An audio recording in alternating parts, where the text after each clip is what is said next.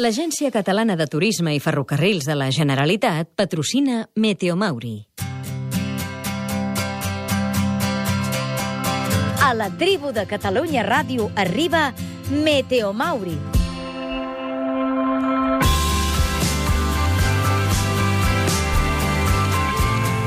Sí, bueno, arriba Meteo Mauri. I què passa? Collons, després de la Sílvia Pérez Cruz, Clar, això això, és... ens hem quedat tots aquí acollonits i bocabadats i esma perduts. Clar, I, no, no, jo ja ho comprenc. I, i, eh, i És ara, que hauríem de deixar la ràdio en blanc. clar, és que, és, és, que, ja, és que ara hauríem No d'agafar els trastos, anar a fotre la xocolatada aquí fora i tothom cap a casa. Clar, i, i en directe és més Home, impactant. a- aquesta gent la tenien aquí un pam pensar els agafarà un cobriment infart, de l'emoció que hi ha aquí dins aquesta sala.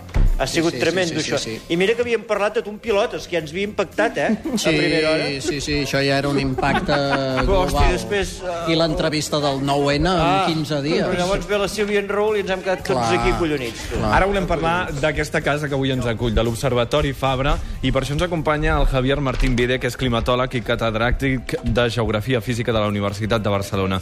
Javier Martín Vide, bona tarda, com estàs? Bona tarda, bona tarda. A veure, tu ets membre de la Reial Acadèmia de Ciències i Arts de Barcelona, que alhora és l'entitat que va impulsar la creació de l'Observatori Fabra.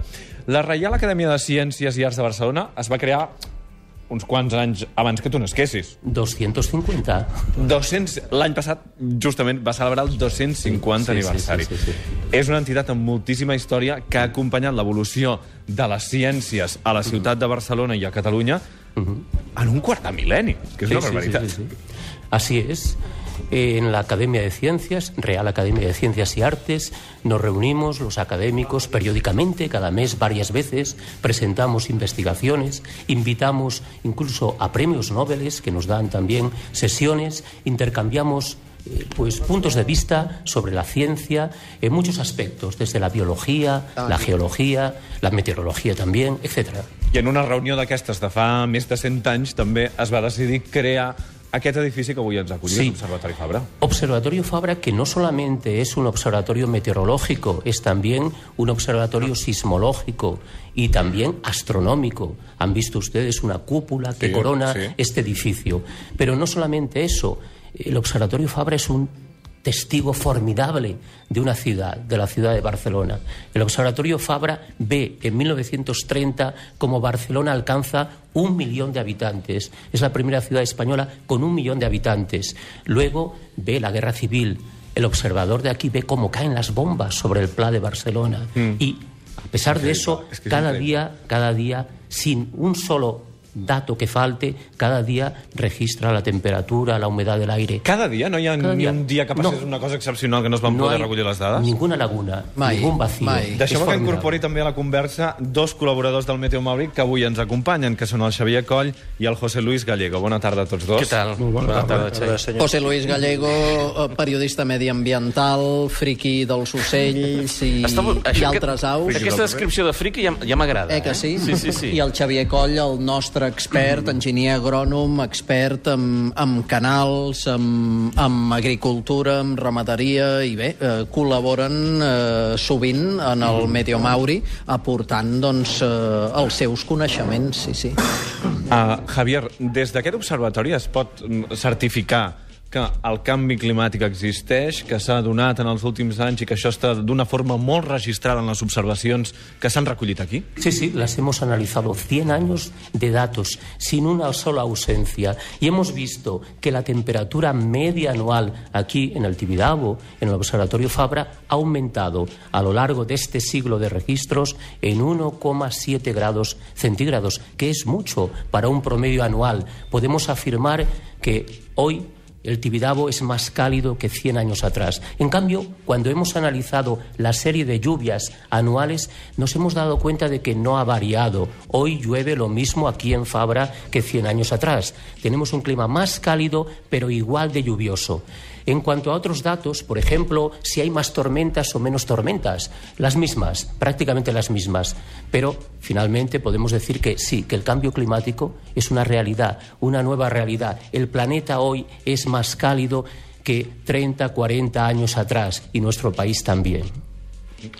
Eh, una situació, a més a més, aquesta del canvi climàtic, que molta gent hi pot pensar, aquests científics, això del canvi climàtic, això del canvi climàtic li està passant als altres. Eh? No, Mai. passa aquí Tenim també. aquestes... Per què? Perquè el canvi climàtic no, no deixa anar oli, no taca, no, no fumeja, no, no, no, no tenim evidència. I, a més a més, no anirà cap a nosaltres, anirà ca- cap als nets o cap als nets dels nostres nets.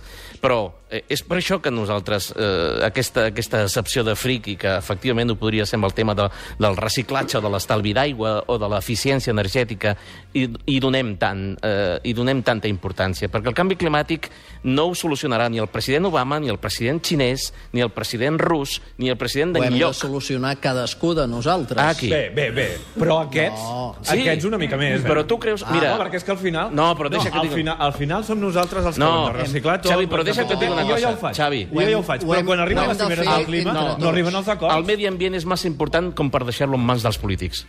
Ja.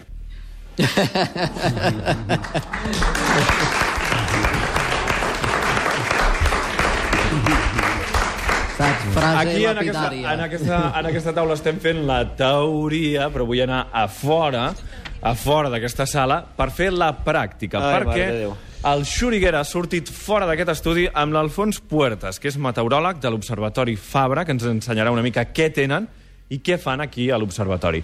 Xuriguera, Hola, bona tarda. Recullo el... que- Com se'n diu, això? El testimoni. Això, el testimoni, recullo des d'aquí a l'exterior.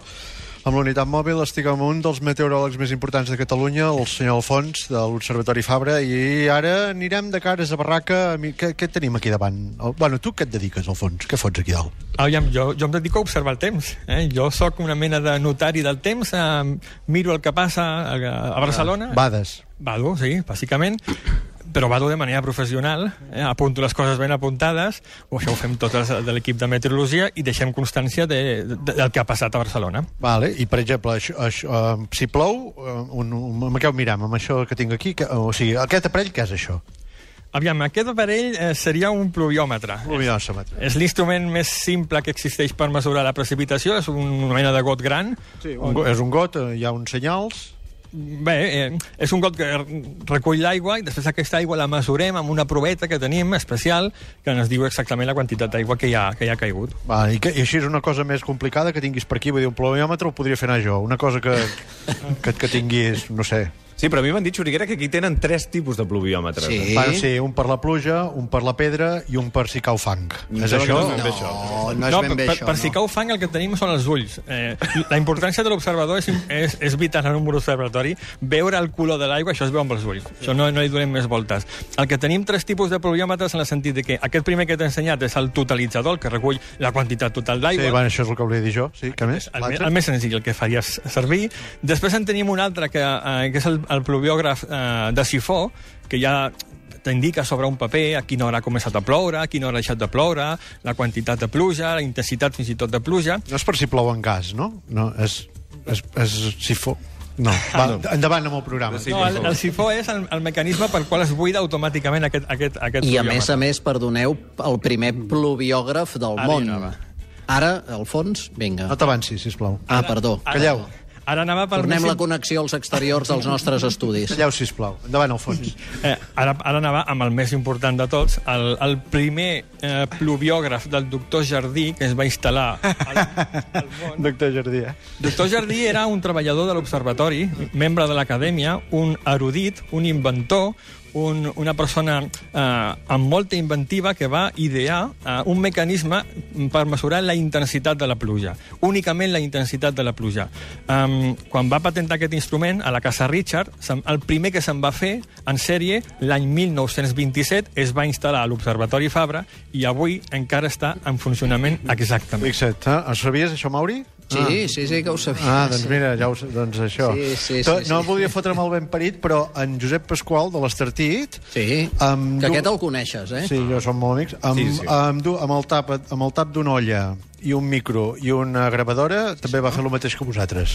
Mm, sí, després el mareògraf en el A port. part del maneògraf amb el porc... Maneògraf, tu el, dius? El maneògraf, que el vaig ajudar a fer el jo també. Maneògraf? Eh, que medeix el, que medeix el mar, bàsicament. Medeix el mar. Sí. Com, com es medeix? Però d'aquí a on? Quan d'aquí a les medes. Ah, d'aquí a les medes. Exacte. d'acord. Què més tenim? Que- No ens distreguis, Mauris. Què més tenim, senyor Alfons, aquí davant? Aviam, eh, podem comentar eh, els simples termòmetres, eh, tot, tot observatori... Fota-li, fota-li més difícil. Més, difi més difícil. Clar, un No, home, termòmetre... però si amb l'Alfons eh, ens coneixem molt, eh? Ja sé què dirà. El ben parit. S'ha fotut dues copes de vi i ara va així una mica... digues, digues. Aviam, estem de festa, és normal, no? No, és que aquí fora hi ha vi, ja, tot, ja ha vingut en, en, en Bada de, de la Terra Alta a portar els seus vins, saps? Ha vingut gent de, de Raimat també a portar els seus Raimat, vins. Rosa Maria Torres, Rosa Maria Torres. Giner, I, eh, eh, Roqueta, i, Origen, I Miguel mentre la Sílvia Torres... Pérez Cruz cantava, doncs en, en, en Mauri li anava fotent el vi. Digue'm, digue'm. Bé, no, jo no, jo no era l'únic, eh? T'ho recordo, Xuri. Bueno, no, no, també hi havia en Fabra, sí. sí també hi havia Fabra, en Fabra sí. bevent. què, me- què més tenim? Què més tenim al fons? Mira, també tenim un instrument molt curiós que serveix per mesurar les hores de sol, la insolació que li diem, eh, que es diu heliògraf. Ai, carai. L'heliògraf és, és un instrument molt curiós, com pots veure, té, és, és una bola de vidre. Sí, sí, és una bola de vidre que molta gent doncs, es pensa que aquí fem la previsió del temps amb bola de vidre. Ho fem d'una manera més professional, però aquesta bola de vidre, eh, just darrere hi té una tira de cartró i crema, la bola de vidre fa de lupa, de lent, concentra la llum del sol sobre el cartró i va cremant a mida que el sol es desplaça en el cel. Ah, clar, llavors tu vens aquí i dius tot aquest tall cremat és, el que, és les hores que el... Estiga ben pensat. Això qui ho va inventar, això? El, el gairebé el Josep Pasqual.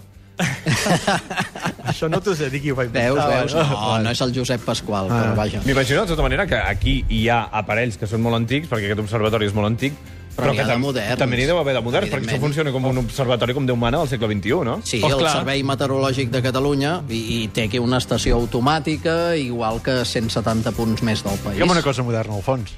Ah, ah, justament el que t'estava comentant ara en, en Mauri, és a dir, les, les estacions automàtiques, ah, com aquesta que tens Nois, aquí ho hem de deixar aquí perquè arribem al butlletí de notícies de les 6 de la tarda. Hòstia, no tenia- no tenia el telèfon, gràcies. això. Gràcies, Alfons. Xuriguera. Gràcies a la taula, també.